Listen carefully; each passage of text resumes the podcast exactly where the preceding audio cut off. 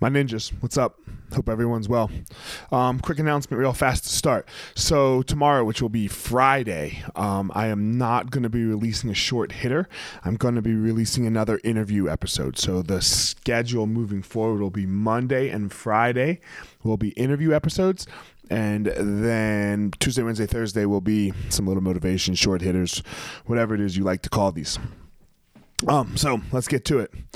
Man, sometimes it's so hard for us, right, to um, to get out of our own way and to do something for ourselves, and especially, you know, like in these times where it's uh, where you're where you're a little stuck, you get depressed very easily. Um, some things that I like to really try to focus on when I get in these funks is I like to do something for somebody else. I make it happen. I make something happen for somebody else, and I try to make them feel really good. And when I can do that, then that can that can snap me out of my funk too, because it takes your mind off of you, right? Like like when we're depressed or anxious or sad or whatever it is, right? We are so focused on how we are feeling. You know, I'm this, I'm that. You know, every, everything is I and me.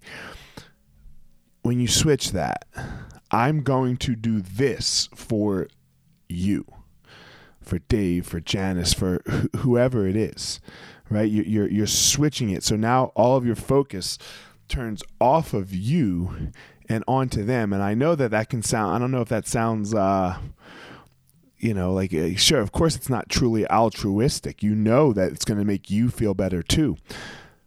But all good, right? All good. You, you, you're going to add something to somebody else's life so that two people feel better now them and you. Go out there and find your power.